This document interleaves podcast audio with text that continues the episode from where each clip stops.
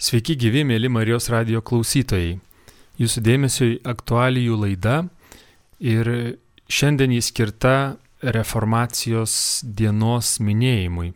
Reformacijos diena yra spalio 31, kai 1517 metais Martinas Liuteris iškabino garsesias 95 tezes.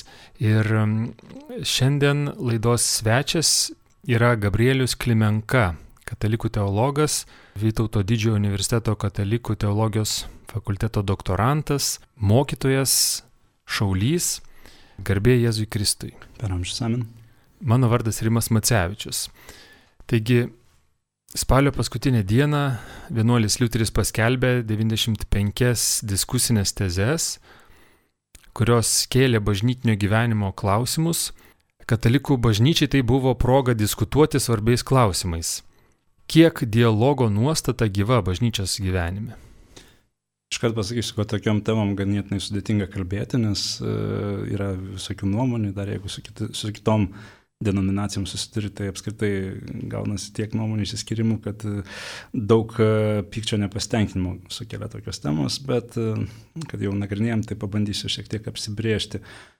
Dialogo nuostata bažnyčios gyvenime. Mm, po antrojo Vatikano susirinkimo Akivaizdu, kad bažnyčia labai siekia dialogo su protestantiškom bažnyčiom, taip pat siekia dialogo su kitom religijom.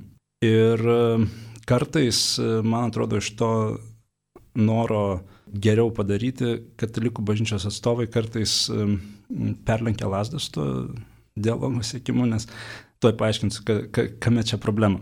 Dialogas paprastai reiškia, kad dvi pusės būna lygiavertės ir jos vienodam lygmenį diskutuoja, kalbasi ir ieško sprendimų. Pas katalikus pastebi tokį kartais dalyką, kad siekdami ekumeninio dialogo, jie rodos bando save nužeminti ir kiek bendrauju įvairiose ekumeninėse organizacijose arba judėjimuose arba renginiuose, katalikai paprastai leidžia diriguoti protestantam. Tai gal ir nėra blogai, e, galbūt tai nu, toks nuolankumo ūkdymasis yra. Nors aišku, kartais iš kitos pusės pasižiūriu, tai ta pozicija tokia dialogo šiek tiek nusižeminus, kartais primena tokį, žinot, senolis sėdi, aplink bėgioja anūkai. Ir jie laipia tam galvos, jam visai ir panašiai, bet jisai puikiai supranta, kad jisai čia yra valdžia, jisai uh, supranta, kad vaikams smagu, žodžio visi gaunasi patenkinti. Uh, dialogas su kitom religijom šiek tiek e, daugiau įtampos kelia tiek e, pačios bažnyčios viduje, tiek e, jeigu katalikai bando bendrauti su protestantais. Nes yra tokia kultūrinimo savoka, kuri ne visiems žinoma, ne, ne visi ją supranta iki galo. Ir kartais būna, kad iš vienos pusės, jeigu kažkas bando kitoj kultūrai, kokia nors, na, sakykim, Kinijoje ar Indijoje įkultūrinti kai kurios vietinius dalykus, kitiems tai gali kelti nepasitenkinimą, arba priešingai perlenkiama lasda ir tada kultūrinami dalykai, tiksliau bandoma įkultūrinti dalykus, kurie neturi nieko bendro su katalikišku mokymu. Ir čia, pavyzdžiui, tokiu atveju pasitaiko kaip Indijoje, e, neatsimenu, kuri, kuri vienuolyje bandė mišiose greta mišių skaitinių skaityti vedas, visokias krišnos statulėlės statyti bažnyčiose ir panašiai. Tai tas dialogo kultūra ir nu, toks troškimas egzistuoja, Bet e, kartais, sakau, toks gaunasi tokių keistų niuansų, kurie gali kelti daugiau įtampos negu duoti naudos. Laidos pradžioje paminėjęs, kad e, pati laida skirta reformacijos dienai, bet e, jos tema yra apie dialogą ir prieštaravimus bažnyčioje. Minėjote apie tą sunkumą atvirai apie tai kalbėti. Kaip reikėtų skatinti atviras diskusijas apie tai, ką daugelis mini ir kalba apie tai privačiuose pokalbiuose paslapčiomis ar, trumpai tariant, neviešai. Na, nu, aišku, čia reikėtų apsibriežti irgi, e, apie ką, kas tos paslaptis, kurias privačiai kalba, viešai nekalba. Aišku, bet kokiu atveju, norint pradėti diskusiją, ypač oficialiam lygmenį kažkokiam, reikėtų visom denominacijom nustoti tikėti e, mitais apie kitas bažnyčias, jas nustoti demonizuoti ir tada ieškoti ne skirtumų, o panašumų. E, labai dažnai tenka irgi tokį pastebėti, kad viena bažnyčia, bandydama pristatyti save, ypač, nu, sakykime, jeigu atvažiavo ten protestantai į katalikišką kraštą, kad katalikai protestantišką, jie bando parodyti, kaip jie skiriasi nuo vietos bažnyčios ir kaip anie daro blogai, o kaip šitie gerai. Dažniausiai, aišku, tas, ką daro blogai, tai būna iš kažkokių gandų susigaudyta, iš nedekvataus supratimo ir panašiai. Ir aišku, reikėtų akcentuoti, kaip sakiau, tos panašumus, o ne skirtumus. Nes e, gaunasi daug keistų dalykų. Vat aš kažkada dirbau tokiam gerosios naujienos centre, tai yra ekumeninė organizacija, taip reikia suprasti, kad jinai šiek tiek proprotestantiška yra, bet e, labai įdomi patirčių turėjau, nes e, visą laiką prie pietų stalo mes diskutuodam, diskutuodam daug. Ir atsimenu, kai tik atėjau dirbti, visi žino, kad aš katalikas, ten dalis protestantų dirba, ir jie pradeda tada sakyti, jūs katalikai tikite šitaip. E, tada seka mano ištara ir aš sakau, ne, mes katalikai tikime ne šitaip, bet tikime taip. Ir visą laiką tos diskusijos taip rutuliojasi. Po poros metų diskusijos pastebėjau, kad pasikeitė, nes kolegos pradėjo sakyti, girdėjau, kad katalikai tiki šitaip, kaip yra iš tikrųjų. Tai reiškia, mes turime numitinti tuos dalykus, kuriuos, kurių esam girdėję apie kitus, kur prisiklausę. E, jei kartais būna, kad, pavyzdžiui, pasiekmininkus į pamaldas nuvažiuotum, tai kiek teko dalyvauti, tai irgi, nu, jeigu tu neįvezintas, ką jie daro, kas čia vyksta, tai gali ir išgazdinti žmogų ir panašiai. Ir sakau, iš to gali kilti visokių keistų dalykų. Kaip pavyzdžiui, irgi girdėjau tokį aiškinimą, nes sako, katalikai meldžiasi atsimerkę, o protestantai užsimerkia paprastai. Ir tada reiškia, kad protestantas orientuojasi į save, o katalikas į Dievą, nes žvilgsnis nukreipęs kažkur į viršų. Bet kai pasišneki su žmogum, kodėl jis užsimerkęs meldžiasi, tai supranti esmę ir tada nu, nebelieka tokio kažkokio e, nesusipratimo, tu gyveni tiesoje ir tada gal galia prieini prie to, kad ieškai panašumų, kuo mes panašiai tikim ir kuo mes galim vienas kitą praturtinti. Kodėl neretai bažnyčios vadovų potvarkiai ištarmės net jau senai galiojančios daugeliu įprimtinos tradicijos kai kurių žmonių yra kvestionuojamos? Manau, priežasčių galėtų būti viena ir dar papildomai milijonas. ir e, čia kvestionavimas, aišku, gerai, kai žmogus kvestionuoja. Tik reikėtų atkreipdėmės, kad to kvestionavimo yra dviejopos priežastys. Nu, vieną įvardinkim negatyvėje, kitą pozityvėje. Ir negatyvioji kvestionavimo priežastis galėtų būti, kai žmogus neišmanydamas savo tikėjimo prisigaudo keistų visokių teiginių, kurie kritikuoja vieną ar kitą ten, bažnyčios atstovo ištarą, ten, švento rašto interpretaciją ir panašiai.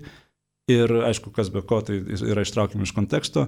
Ir tada iš tos ištaros žmogus pradeda kvestionuoti tą jau netaip suprastą ištarą ir prisigaudo visokių keistų dalykų, prisigalvoja ir tada jis nu, dažniausiai auginasi pyktį, nepasitenkinimą ir panašius dalykus.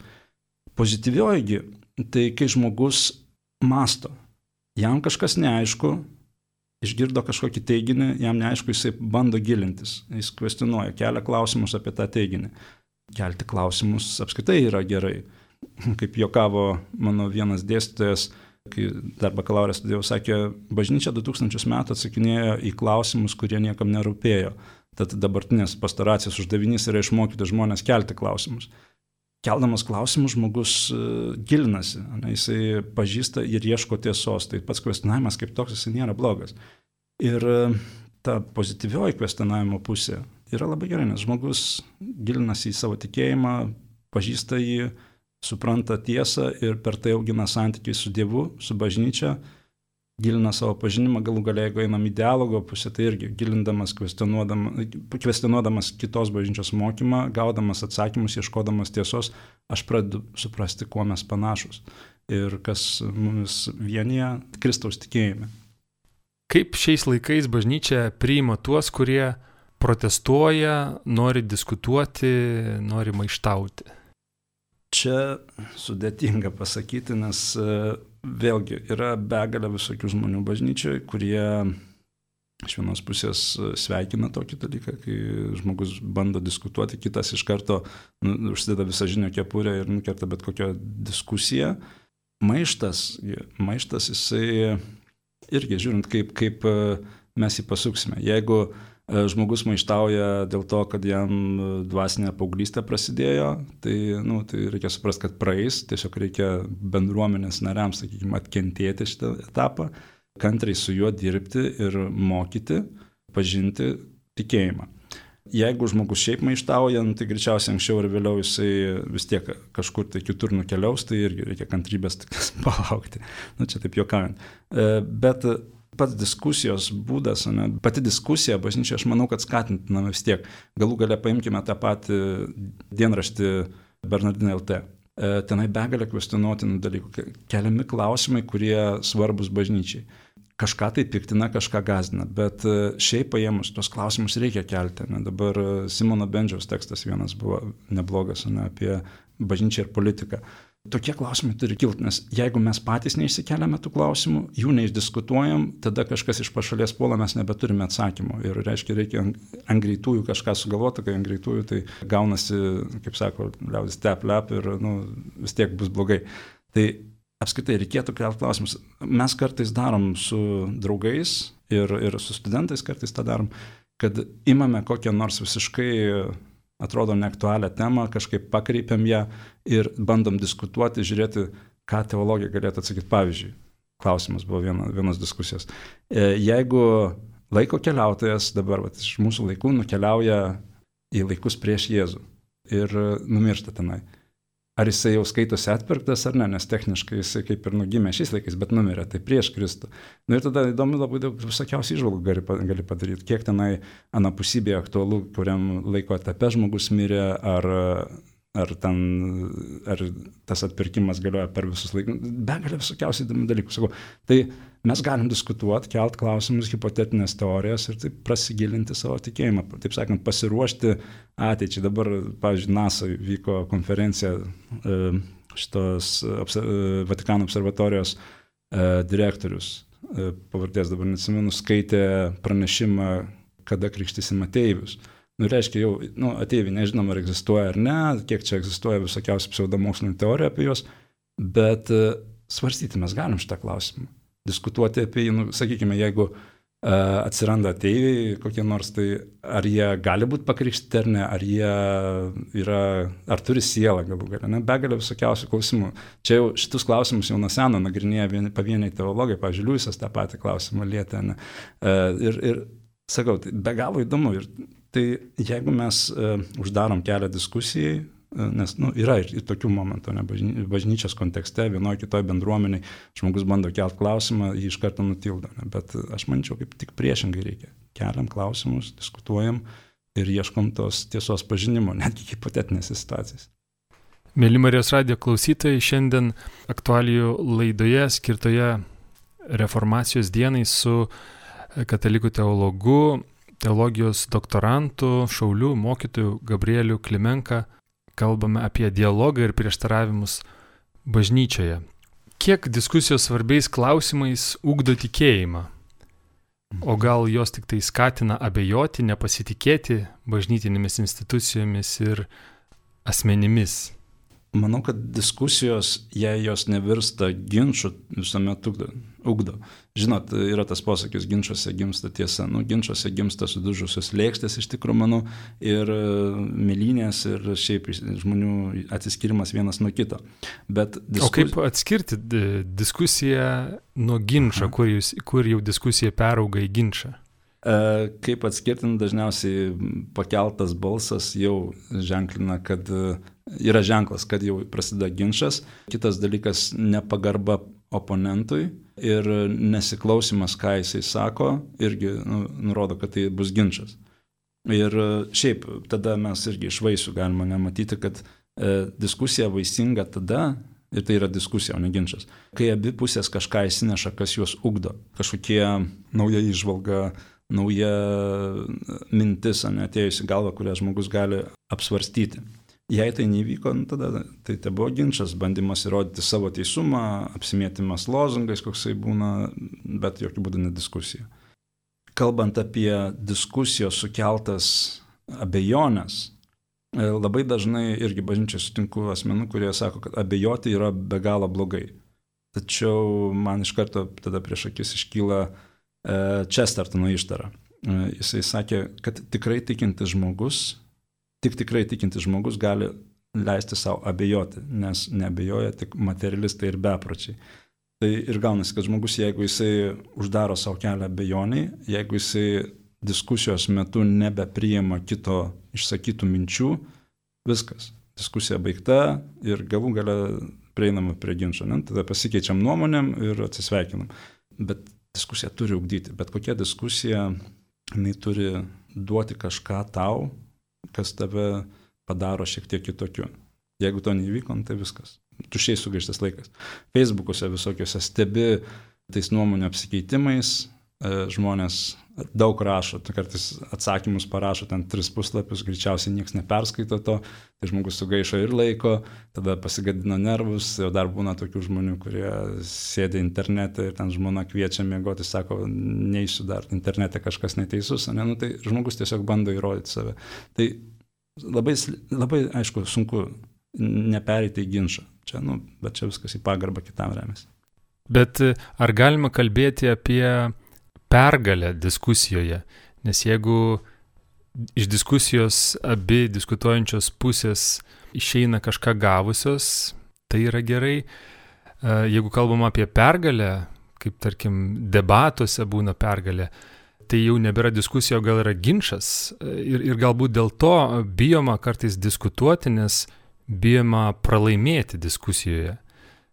Nors padiskutavus, išėjus su daugiau, daugiau klausimų, žmonės galėtų toliau domėtis, toliau grįsti savo nuomonę, įsigilinti į kitą ir vėl susitikti, bet bijoma, kad baigsis kažkieno pergalė dažnai žmonės į diskusijas eina būtent su tuo tikslu, kad e, mano nuomonė turi nugalėti. Ne? Ir tai, kaip jeigu man konkrečią diskusiją kaip e, fenomeną, sakykime, tai nėra tas tikslas, kad kažkas išeitų laimėjęs.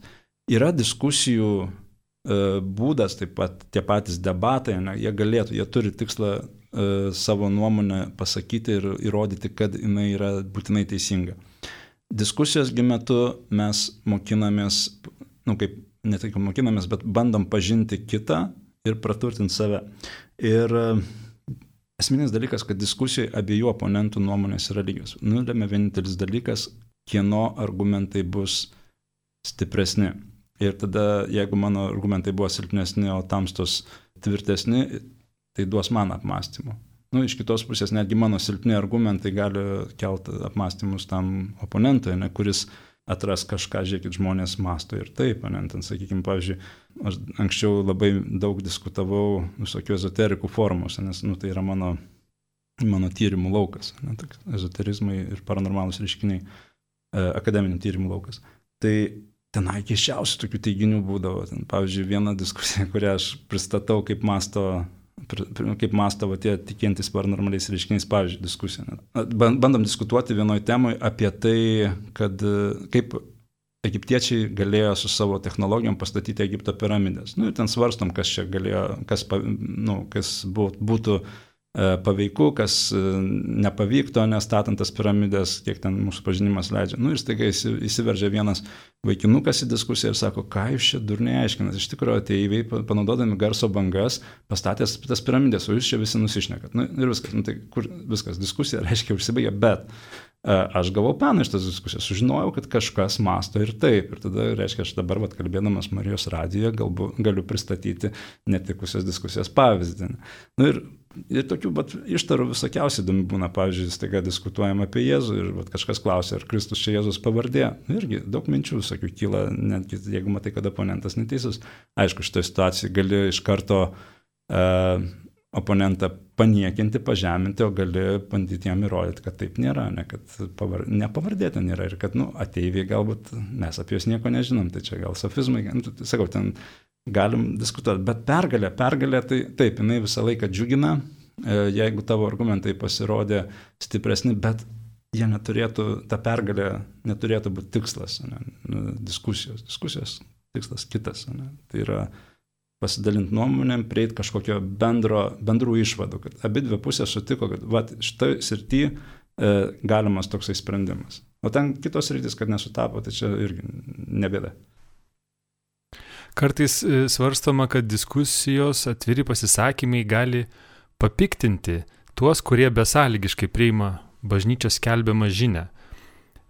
Gal ir tai yra priežastis, kodėl vengiama kartais atvirai kalbėti apie aktualias svarbes temas. Kartais, kartais bažnyčioje, kai girdžiu kalbant apie papiktinimą arba nu, nedarykime kažko, nes tai papiktins, dažnai paklausiu, o ką reiškia papiktinti. Ir dažniausiai būna teiginys, kad nu, sunervinsim, pavyzdžiui, kažką tai. E, tai čia nėra papiktinimo esmė, ne? papiktinimas nėra visai tai. E, papiktinimas labiau būtų padaryti kažką, kas kitą pastumėtų į nuodėmę arba mąstymo pasikeitimą į blogąją pusę. E, jeigu kažkas šiaip susinervino dėl to, kad aš pasakiau kažkokį dalyką, tai iš esmės e, nu, kito žmogaus emocinė reakcija į mane yra, arba į kitą žmogų, ne, yra jo asmeninis pasirinkimas. Todėl netai turėtų nulemti, ar tema nagrinėtina ar ne. E, jei priežastis tokia, kad va, čia sunervinsim kažką, tai, tai tai yra fantomas. Ne, ir tada mes nebegyvenam tiesoje. Todėl temų, kurios kitas stumėtų į nuodėmę, pavyzdžiui, ten, sakykime, ar narkotikus reikia vartoti, taip reikia. Nu, tai, tokia tema jau iš karto būtų papiktinimas, o ne čia papiktintų tikrai to žodžio prasme, nes galbūt kažkas užsikabintų už to ir tikrai pradėtų vartoti, narkotikus vartoti. Tai jeigu tikslas yra paskelbti tiesą, tai neturėtų, taip sakant, kito žmogaus emocinė reakcija būti kažkoks faktorius, kuris sustabdo. Kitas momentas man toks besaligiškas tikėjimas. Mm, tikėjimas e, visą laiką palydimas abejonės, nes jeigu tikėjime nėra abejonės, nes, kaip suprantu, besąlygiškas tikėjimas, tai reiškia, žmogus nebejoja nieko, e, jisai stovi greta arba prilyksta fanatizmui, o fanatizmas yra iškreipta religingumo, religingumo forma, kuri paprastai su tikruoju tikėjimu kaip tokiu nelabai ką bendro turi. Nu, išorinė forma, bet e, esmė, esmė yra ne ta. Ne esmė kitokia. Ir e, todėl aš kaip tik sakyčiau, kad jeigu yra tokių vat, besąlygiškai tikinčių žmonių, e, tada tik reikėtų kalbėti tas temas, kad jie truputėlį pradėtų mąstyti, nes kitaip e, nu, gaunasi kryžiaus karai, inkvizicijos ir panašus dalykai, kai žmonės nebemasto, o tiesiog besąlygiškai vykdo kažkokias užduotis. Galbūt dar tas papiktinimas yra, kad kažkuo suabejos mažai argumentais ar kažkokiom su, sudėtingom teologiniam išvalgom pasikaustę žmonės, kurie išgirdo taip vadinamą tiesą, jie patikėjo ir jie vadovaujasi ir jeigu kažkas tai kvestionuos, jiems lik pagrindas bus pat, patrauktas iš pokojų. Ir galbūt to bijoma. Liujisas vienoje iš savo knygų rašė, kad mes savo tikėjimą labai dažnai pasistatome ne ant tvirto pamato ir e, tikėjimas mums tada primena tokius kortų namelius. Nu, iš kortų, kai statai, statai, vieną kortą ištraukia, visas namelis subyra. E, ir Liuiso nuomonė tai yra gerai, jeigu mes ištraukime tą kortą. Geriau ją kuo anksčiau ištraukti, aišku, nes tada mažiau sugriūna dalykų, bet ištraukus tą kortą, kuri sugrioja visą žmogaus tikėjimą, jisai gali iš naujo statyti ant tvirto pamato.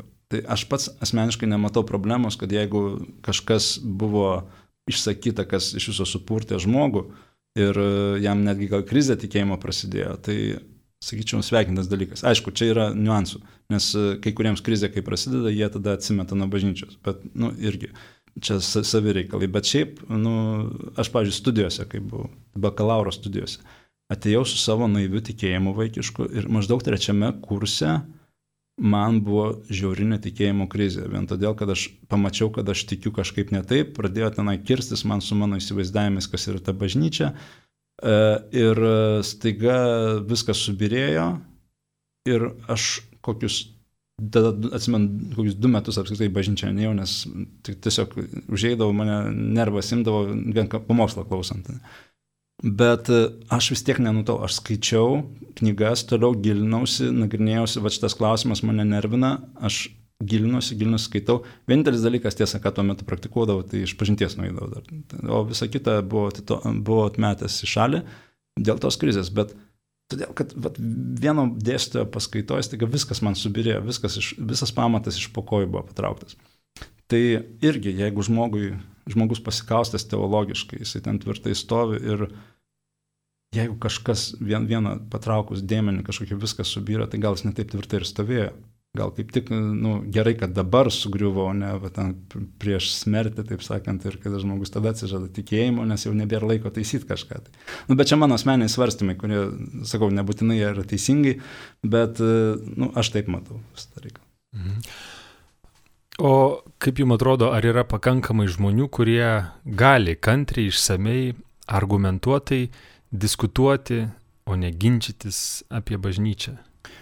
Tokių žmonių esama visoje Lietuvoje gal penki bus. Nu, čia juokauju, aišku, nes e, tų žmonių yra ir e, diskutavimas vis tiek yra toks menas, kur gal ne kiekvienam įkandamas, sprendžiant iš komentarų Facebook'e arba ten kokios nors Delfiuose ir taip toliau, didžioji dalis nemoka žmonių diskutuoti. Bažnyčios kontekste yra žmonių, kurie tą puikiai daro, bet tai vis tiek yra, reikia išmokti. Aš atsimenu savo pradžią diskutavimą. Aš anksčiau diskutuodavau daug formuose, visokios internetos. Nu tai plėkiesi iki pažaliavimo tenai, turi įrodyti žudbūtą ne kažką, e, ko pas netgi galbūt neišmanai. Ir čia, sakau, ta, ta problema gaunasi, kad žmogus bando įrodyti savo teisumą ir žudbūt e, jo, kad paskutinis žodis būtų. Man pačiam tą problemą padėjo išspręsti mm, mano tyrimų laukas, kurį minėjau jau, ne ezoterikai, visokie tikinčiais paranormaliais reiškiniais po diskusijų su jais man bet kokios diskusijos e, apie tikėjimą ar ten bandymas e, kritikuoti katalikų bažnyčios tikėjimą, nu, man, man jie iš tiesų yra atgaiva, nes čia, čia bent jau apčiapiami dalykai kažkokie yra, kur žmonės tiki, nes tenai, tai sakau, ten būdavo visokie apie garso bangas, piramidės, fonautus ir taip toliau. Tai čia kažkokie apčiapiami dalykai. Bet irgi reikėjo labai ilgai uh, pavarkti, kol aš išmokau bandyti išgirsti pašnekovą, kol išmokau nedaryti argumentacijos klaidų, jas atpažinti, nes yra begalė visokiausių sričių ir ne visi tą moka. Žinau ne vieną teologijos dėstytoją, kuris puikiai, puikiai diskutuoja, puikiai sugeba argumentuoti savo mintis ir tuo pačiu išgirsti kitą, nes išgirdimas kito žmogaus diskusijoje yra esminis dalykas. Tu neišgirdai, Viskas, ta diskusija nuėjo per niek. Ir tokių žmonių yra, bet jų mažai bažnyčiai, kurie be nervų, be kantriai ir išsamei galėtų kalbėti vienais ar kitais klausimais. Aišku, reikia suprasti, kad nėra žmogaus, kuris visais klausimais gali kalbėti. Yra dalis turi savo siauras temas, kuriuose puikiai tą daro, o kitos yra diletantai visiški ir, nu, tad, pavyzdžiui, mane, nežinau, pakviestų apie trinitologiją kalbėti, aš neišdryščiau, nes žinau, kad ten vieną žodį netaip pasakai ir tada erezijas kelbi. Nu, tai sakau, tai jeigu apie trinitologiją kviesi, tai aš neįsiu. tai iškart kyla klausimas tada, kaip pasirenkti, kaip diskusijoms apie bažnyčios gyvenimą turėtų pasirenkti jų dalyviai. Jeigu diskusija yra išmokstamas dalykas, tai klaidingai diskutuoti, tai galbūt reiškia mokytis, ar vis tik tai reikėtų uh, prieš bandant diskutuoti kažkaip tai pasikaustyti? Esminis dalykas yra savišvieta ir e, mokinimasis to, kaip vyksta diskusija. Galima pradėti nuo to, kad e, diskutuojant su kitais dėlėtų apsiriboti nuo savo subjektivaus vieno ar kito teiginio vertinimo. Turiu omeny teiginio, kurį išsakė oponentas. Nes e, jeigu žmogus pasakė teiginį, kurio tu neišmanai ir e, tu pradedi jam kontrargumentuoti, nu, tai greičiausiai e, nueisi pievas, o dar jau labiau kaip jeigu oponentas pasako, o, o kaip žinote, yra tenai kas nors parašyta, va taip ir taip, ir tu nežinai, tu sakai, taip, taip, žinau, ir tada nu iš karto viskas, e, nu, oponentas jau jeigu pats sugalvojo tą, tą dalyką, ne, arba ten vieną ausim kažkur girdėjo, abu greičiausiai suklysit ir tada viskas naina pernik. Kitas dalykas, kaip sakiau, klausimasis, toliau eitų paties savęs ugdymas kritiškai mąstyti, kritiškai įvertinti bet kurią situaciją. Ne? Viską tai, kas vyksta, e, kas, ką išsako oponentas, ką tu pats galų galę sakai.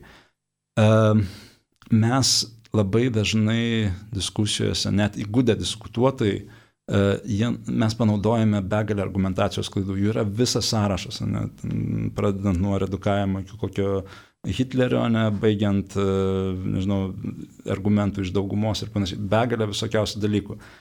Mes kažkada, kažkada pernai su studentais seminarus taip vedėm, imdavo moralinės teologijos temas ir jie bandydavo diskutuoti, pavyzdžiui, išsikeliam temą e, pagal straipsnį kokį nors moralinės teologijos, e, rasta žiniasklaidoje. Ir tada pasidalinam į dvi grupės ir viena grupė diskutuoja gindama tą teiginį, kita prieštarą. Nu, ten, sakykime, kas nors ten buvo straipsnis, atsimenu, vienas moteriškė, ten kažkur Anglijoje susitokė su savo šunim. Nu, ir tada vieni turi gintą, kad čia labai gerai viskas yra, o kiti sakyti, ne, ne, ne, čia labai blogai. Ne? Ir tada vieni kaip ir atstovauja bažnyčios tarsi poziciją, o kiti tą pasaulietinę tokią. Ir žmonės paskiau pradėjo, pirmos diskusijos buvo sunkios, e, turėjau sakyti, žiūrėk, tu čia dabar išsakėjai, bet ir čia buvo tokia tai argumentacijos klaida, jinai, nu, nepaisant.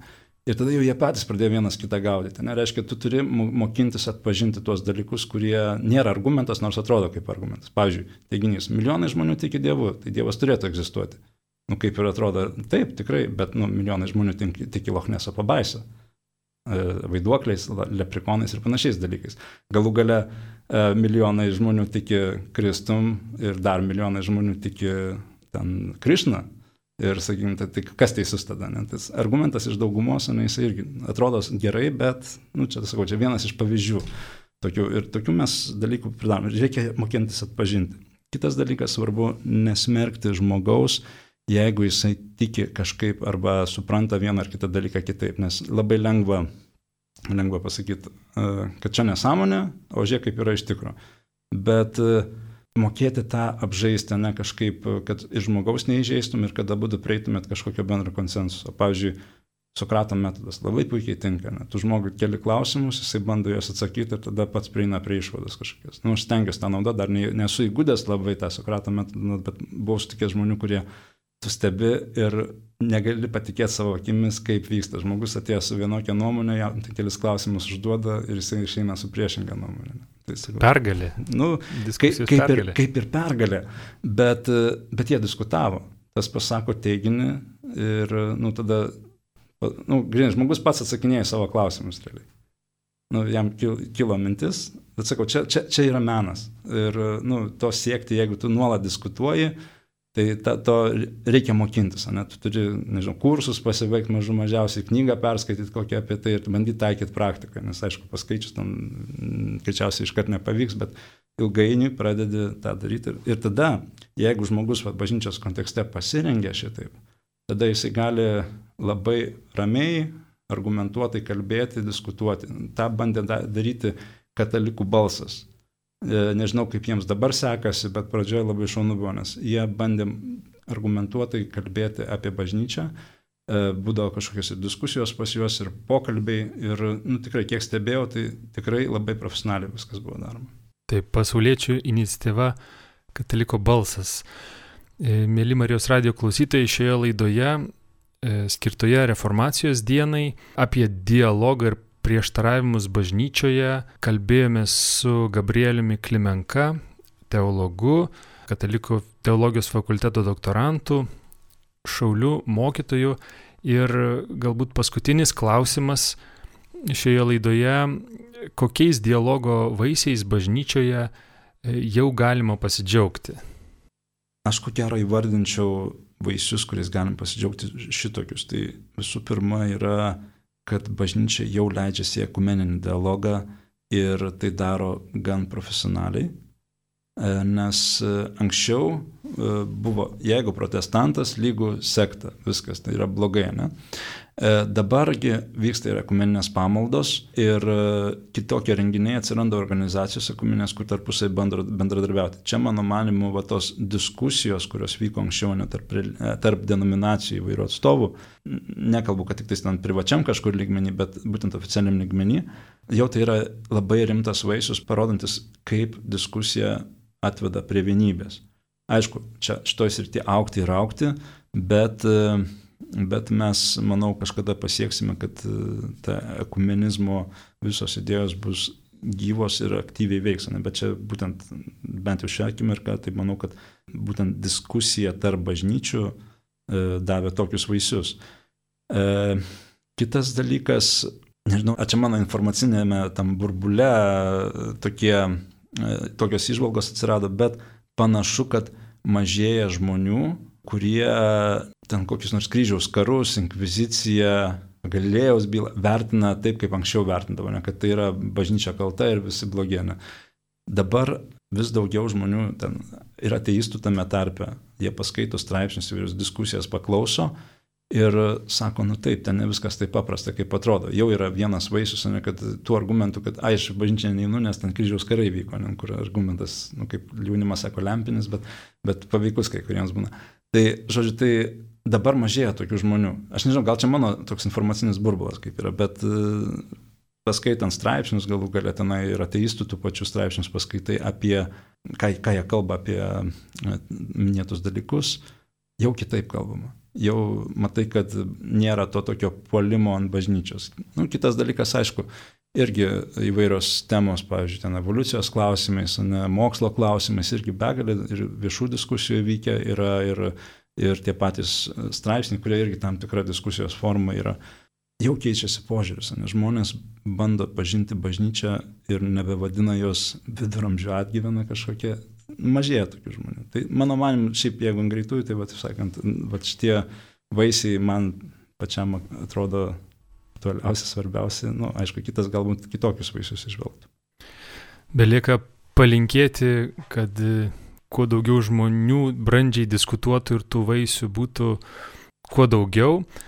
E, ir ačiū labai už įdomų pokalbį Gabrieliui Klimenkai, katalikų teologui, Vytauto didžiojo universiteto katalikų teologijos fakulteto doktorantui, Šauliui, mokytojui. Ir ačiū Jums, mėly Marijos radio klausytojai, uždėmesi. Atsisveikiname su Jumis ir linkime toliau likti su Marijos radiju. Sudie. Sudie.